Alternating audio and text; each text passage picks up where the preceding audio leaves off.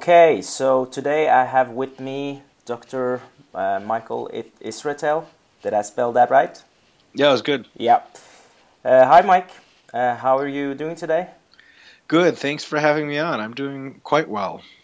Great to hear. And thank you so much for agreeing to do this interview on training for hypertrophy. So, before we start, could you give us a short introduction about yourself, your background, and what you currently work with? Yeah, so I'm originally from Russia, and then I, um, when I was seven years old, my family moved to the United States, and um, I grew up, uh, you know, playing uh, a few sports. I wrestled in high school, and then for wrestling, I decided to start weight training and maybe watching what I ate uh, because I wanted to get stronger, and I eventually fell in love with much so so much with weight training that I I, did, I quit wrestling. And then in college, uh, in undergrad, I went to the University of Michigan. I did some powerlifting there. I started a powerlifting club. And then I got really, really interested in the science behind training because I felt like uh, if I really knew how everything worked, and of course, science is probably the best path to the truth, uh, then I could get stronger and I could get bigger in my master's program and then in my PhD at East Tennessee State. Got a PhD in sport physiology. It was during that time that I really started to fall in love with the idea of bodybuilding and getting maximally bigger as opposed to stronger. I was still very passionate about strength training, but the size aspect really got me. And that ever since then, I've been looking very deeply, giving a lot of thought, reading a lot of literature, and doing my own training and training others in the pursuit of maximal size and minimal body fat and now I'm a professor at uh, Temple University. I'm assistant professor of kinesiology. I teach a bunch of sport uh, science related courses, nutrition, um, strength training theory, personal training, etc. And I compete in Brazilian Jiu Jitsu and I compete in bodybuilding. So I, I have a you know that much perspective to bring, I suppose. Excellent. So which class in bodybuilding do you compete in? Uh, so I'm going to be trying to make the heavyweight class, which is 225 and under, and uh, I'm going to be. Uh, so for I, I, do I've done two shows already and both were in the super heavies, but I wasn't lean enough, so um, I have the muscle mass to to be a top end heavyweight. Mm-hmm. So I'm five six, you know, it's like a meter 57 or something like that, meter 59. Um, mm-hmm. And uh, so I'm pretty short, but I'm kind of wide. So for me to get below 220 and then carb up is pretty tough. And, and uh, this diet that I'm on right now is going to take me into another show, hopefully. And it's going to be uh, very tough, but I think good results. And then uh, see what the judges think. Excellent. So which federation is this? NPC, NPC. National Physique Committee, is uh, uh, the national arm of the IFBB in the United States. Okay. Do you still compete in powerlifting as well, or? No, not for a long time. The last time I competed in powerlifting was, I believe, in 2007. Mm-hmm. It was a very long time ago. Um, but I competed for a long time also. Mm. I competed for, for multiple years, and I did raw training and raw lifting back in the day when everyone else did equipment, so I missed the boat on that one. Oh. Um, but uh, now I compete in Brazilian Jiu Jitsu quite often, and um, that's uh, really, really fun, and I, I love it, absolutely love it. And it's great cardio for bodybuilding, although it gets me hurt a little too much so my uh, performance in bodybuilding is not as good as it could be uh, if I was not doing Brazilian Jiu-Jitsu, but it's a, it's an okay trade-off for me. Yeah. When do you start to back off from the Brazilian Jiu-Jitsu before the competition, or do you still do it all the time before? Uh, I actually do more of it so I can burn more calories. Mm-hmm. Um, but the nature of the training changes a little bit. I don't take as many risks as I get closer to the competition. Okay. I continue to move a lot in practice, and I continue to exert force, but I don't do anything. So there are opportunities in in uh, rolling during combat when you can take a big risk for a big payoff. Uh, get uh, uh certain movements require jumping over something or really wrenching someone one way or another you know, and those are calculated risks. Uh, during most training, I'll take them because I want to be really good. But uh, when a, a, couple of months or especially a couple of weeks before a show, eh, you know, I'll, I'll do the more slow, slow, still forceful but slow techniques so that I don't do anything really stupid. I've gotten hurt before shows before. I was going to do a show last year and I got hurt. I didn't do the show, so um, you know that's the nature of the beast. I, I know I'm aware of the trade-offs. So some people ask me you know, is, is Brazilian Jiu-Jitsu a good idea to do for bodybuilding? No, absolutely not. It's a terrible idea. Uh, but if you want to do Brazilian Jiu-Jitsu, you can bodybuild at the same time if you're willing to sacrifice some gains in both. Okay, that's impressive. Actually, Thank to you. combine both of them and and um, And also the, the results you've had in powerlifting as well. Yeah, well, that was a long time ago, but now you know I think two sports is enough for me at once. People say, "Why don't you powerlift again?" Mm. I'd have to. I wouldn't even know what to do with my training. I'd have to do all kinds of different training, and I would really start to take away from my success in Brazilian Jiu-Jitsu and in bodybuilding. Mm. You know, maybe I should do ten sports, right? But then I wouldn't be any good at any of them. Yeah, so. that that's true. Mm-hmm. Okay, so let's dive into the questions. It's uh, it's not uncommon for people to still uh, train each muscle group uh, once once a week. So, what are your thoughts on doing muscle group only one one time a week? Mm.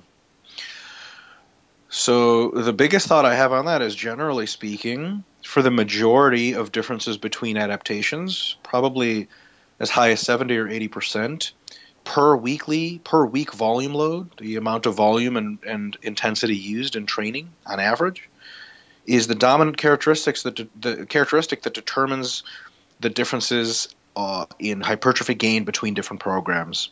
Frequency, the number of times during that week you actually execute that given unit of volume load that's the same, uh, is a much smaller variable, uh, accounting for roughly oh, 20 to maybe 30% of the differences, maybe not even. It depends on population. Uh, so in some populations it's going to account for very little, and some populations are going to account for more. But frequency by itself is uh, already minor. It's already minor. So we have to you know, before getting into this discussion, is think largely going to be about frequency, which is very, very interesting. It is important, but uh, per week volume load is more important. And a lot of the confounding conclusions about high frequency programs being dominant to low frequency ones is that we're not equating for volume load. Uh, once you equate for volume load, a lot of differences start to disappear. And uh, so frequency is, is of minimal importance, but it is nonetheless important. And for most athletes, for most people trying to get bigger muscles, once a week stimulation is probably not frequent enough because these. Uh, stimulus recovery adaptation cycle, the muscle being disturbed in some way or stimulated, going through its adaptations, completing its adaptations to get bigger than ever, and then resetting to be ready to train again. That whole cycle probably occurs, you know, uh, for most people in less than half a week, uh, or, or maybe four or five days in some special situations. But a whole week, man, that's a really long time. You know, uh, volume loads per week equate 70 or 80 percent of all results. Volume loads per month. You can imagine you did the biggest leg workout ever that took you two whole days, and then the rest of the month you didn't do anything. Volume loads per month equate maybe 30 or 40 percent of results, maybe less, right? So there's a, that frequency definitely matters, and a week, you know, of course, is an arbitrary unit of time designed by humans with no reference to physiology, right? We designed our calendar seven days has absolutely nothing to do with our physiology and adaptation. It's it's not a magical, you know, oh, just once a week. Well, you know why would that be a magical time frame in which to train optimally? You know, we're just going by the Judeo-Christian or Roman calendar at this point. Like, you know, that's that's pretty random way to assert things. So I think that for most people, for optimal best results uh, in most situations, once a week training uh, is uh, especially what I'll refer to from now on as overload training or stimulative training. There's other types of more recovery training that come in handy. If you're overloading musculature only once a week, you're probably missing out considerably. If you're small if you're smaller, if you're a beginner, and if you're female, you're missing out even more. If you're gigantic, the amount of damage you can do and the amount of time you need to recover probably goes up, so you can get away more with it, which is why we see a lot of professional bodybuilders only train muscle groups, large muscles, once a week. They can get away with it. It's probably not even best for them. Uh, but for the really tiny people, I mean, my God, you know, how long, if you're adapted to training for six months, how long do you experience delayed onset muscle soreness after training once? Uh, you know, a couple days, maybe a day. Some smaller females, they don't barely even get sore at all. In order to get them sore, you have to put them through wood chippers. So, and, and how, how much fatigue are they carrying after training? Well, not much. You, you come back Wednesday after a Monday squat session and say, Can you squat again? Of course, it would be the easiest thing in the world. Now, if you're really gigantic and uh, you may you may need more time to recover, and then another session that's lighter may be in order.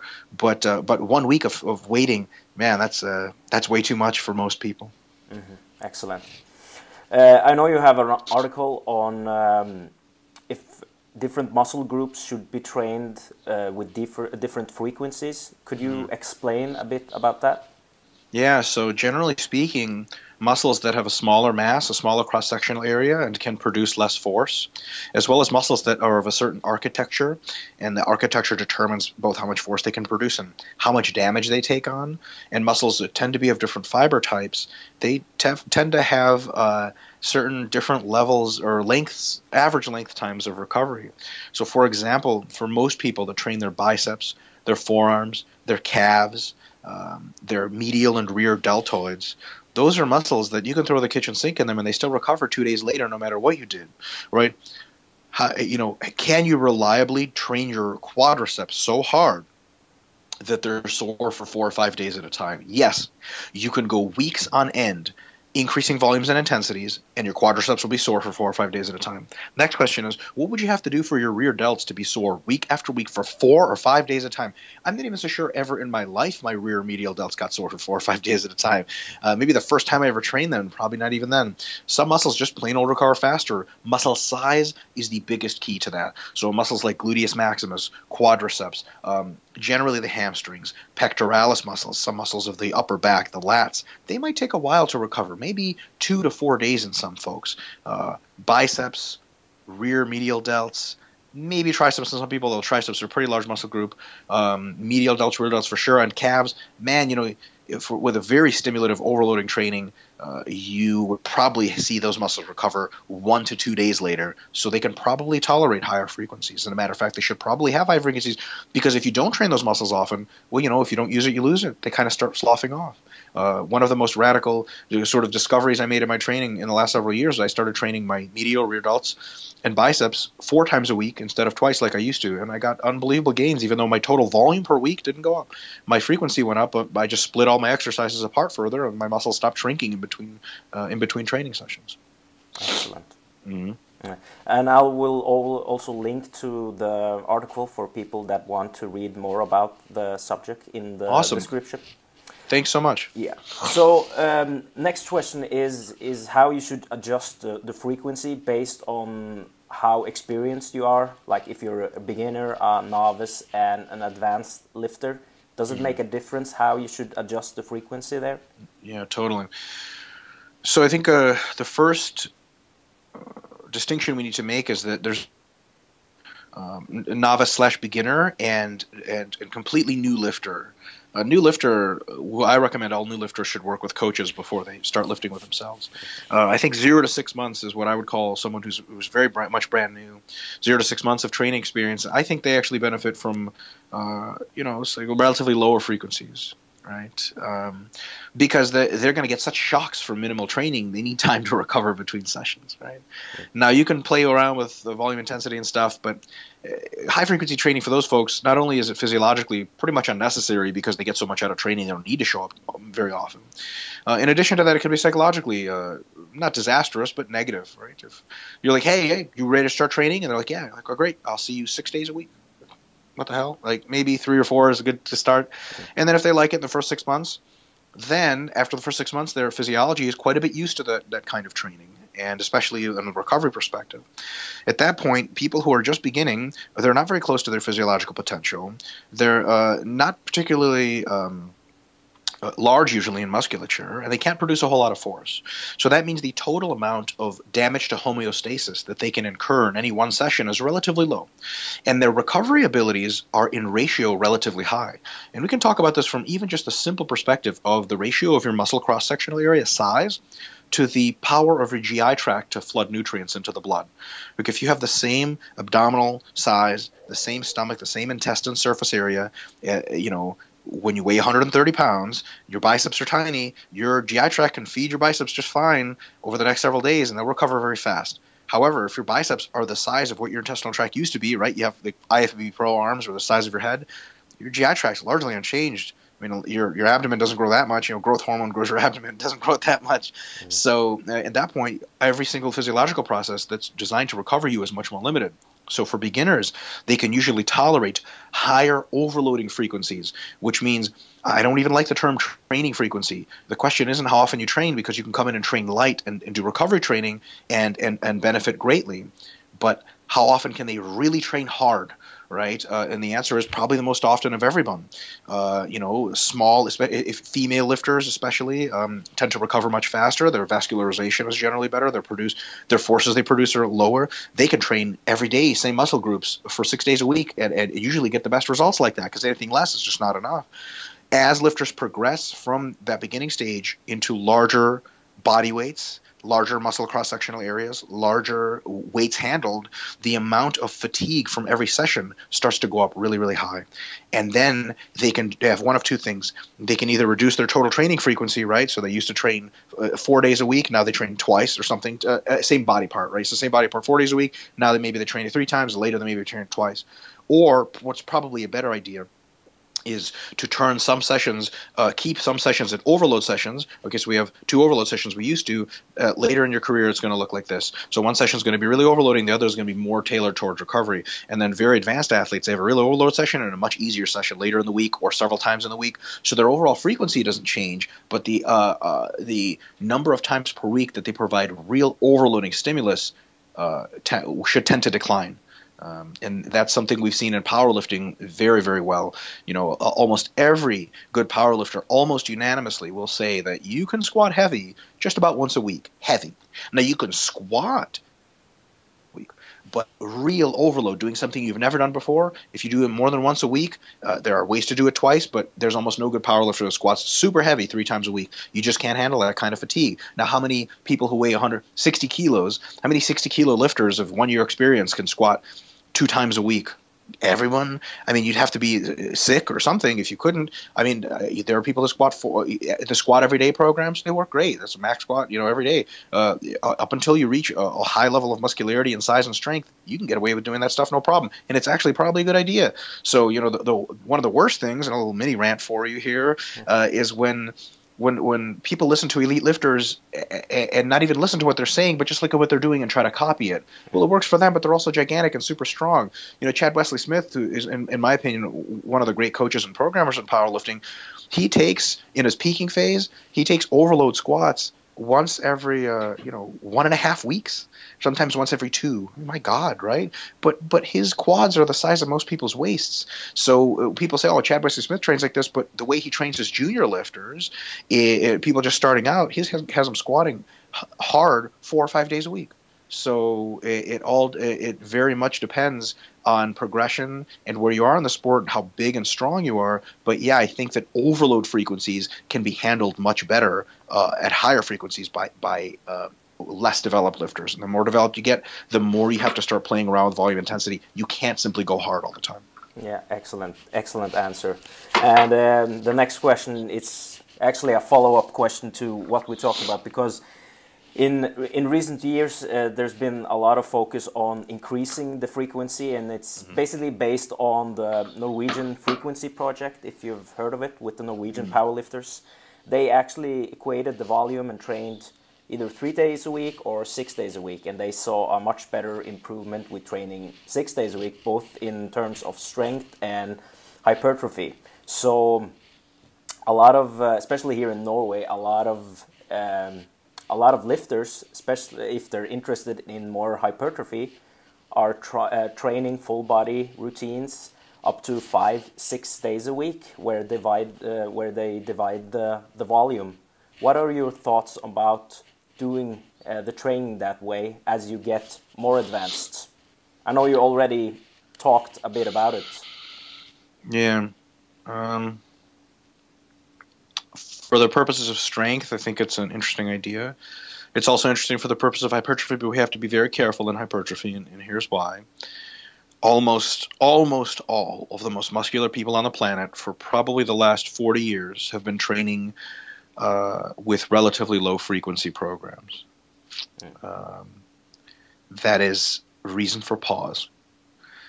Uh, is bro science good? No. Should we just do whatever tradition says? No we should investigate with science.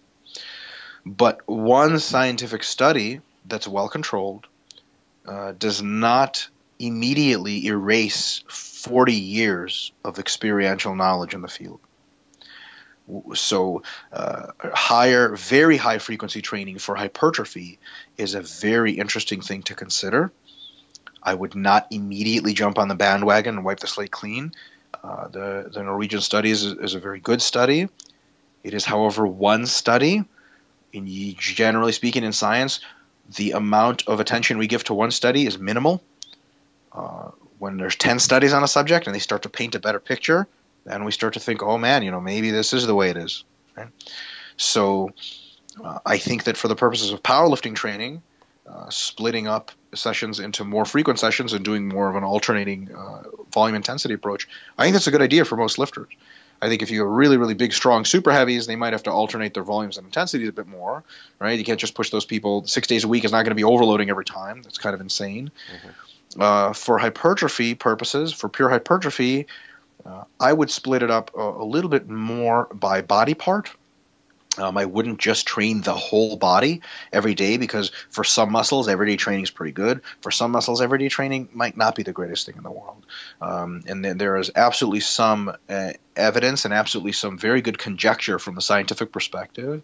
Um, especially some some of this has been made famous by Greg Nuckols. I'm not really sure if you know who he is. Uh, yeah, I've actually had an interview with him yesterday. yeah, well, very yeah, good. Yeah, yeah, so you know, Greg has uh, dug up some research and uh, has, has said a lot of good things about the idea that for maximal hypertrophy, there may be times in your training when you need a lot of acute overload and a lot of muscle damage to really perhaps involve satellite cells to a larger degree or whatever the mechanisms, you may not be able to just equate volume loads and just do a couple of squats every day and add that up to, oh, I did 20 squats this week. Because after no workout, during no particular workout, are you actually overloading? Right? Overload results from a week, but in no particular workout is the overload incredible. So, for example, you know, is a does a mechanic have really strong and big forearms? He works on cars all the time, every day, more or less, minus weekends, and slowly over the course of time, he does work with bolts and wrenches. Yeah, a mechanic has big forearms, totally. Um, does he have the biggest forearms? No. You know, most powerlifters, and bodybuilders have bigger ones, uh, probably because every time they stimulate less frequently their forearms with really heavy weights, they get a much bigger effect and then a healing and then a repetition of effect. Whereas the little tiny effects that a mechanic experiences on his forearms after a while may not be enough to sum up really any meaningful adaptations, right? At some point, your body is so used to doing two sets of squats at a time it doesn't matter how many two sets of squats you did that week. Your body's like, oh, yeah, I'm doing it. Great. I can do it. I'm not going to grow much. So I think for some muscles, uh, twice a week training is probably best. For some other muscles, maybe three times a week is best. And for some muscles, more or less every day training would be a really, really good idea. Um, I don't put much stock. I think the, the Norwegian experiment is a very good experiment as a standalone. I am absolutely not willing to change my training because of one experiment. Of one experiment, I think anyone who's willing to do that is simply misunderstanding the scientific process. Uh, if more experiments come up and they start to show uh, a similar idea, especially in high-level lifters, then, then I will be very curious as, as to the mechanisms involved. And and certainly our theoretical understanding of hypertrophy definitely makes us think that yeah, more frequent training is probably more likely to be better than less frequent. Like for example, if they came out with a study that says once a week is the best way to hypertrophy, I'd be, I'd be very very skeptical skeptical of that. Um, but but everyday training for every muscle group for maximum hypertrophy, um, uh, skeptical skeptical so far. Uh, potentially very exciting research, but but as of now, I, I'm not willing to. Um, hypothesize much as to mechanisms of something that's not very confirmed. Some some other people I've read on uh, online have said that you know most of the data is on a couple of outliers, and if you take them out, then not much is different. Uh, you know, certainly depends on what outliers you take out, but you know, there's always every study has concerns with it, like ah, you know, is this is this just chance? Is just by chance or this and that?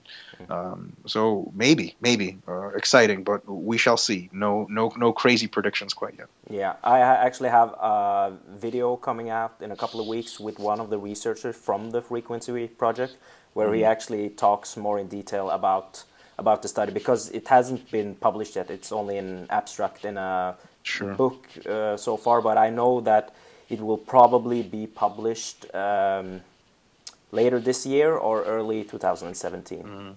So. You know, as a, actually, it comes to mind that uh, Lyle McDonald is the guy who has voiced some concern over the study. Yeah. Have you? Did you talk to him about it? Did you ask him about it? No, we were actually talking about a different subject. We had an gotcha. interview on Monday where we talked about fat loss for for females, but I I've seen the discussion on the Facebook group and. Uh, the um, questions he's uh, asking about the outliers when you look mm-hmm. at the, the mm-hmm. graphs in the mm-hmm. in the abstract. But hopefully, yeah. when when the video comes out with um, uh, his name is Alexander Shirketai, uh, mm-hmm. we'll probably get a more get the Very discussion cool. going. Yeah, I'm curious. Yeah. So let's uh, round it up with the last question: Is is training frequency something you feel should be periodized during uh, a training cycle? Yes.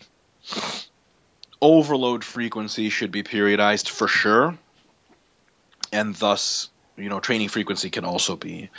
Um, I think that during periods of active rest or periods of maintenance of muscle size overload frequency should be reduced to allow for further recovery.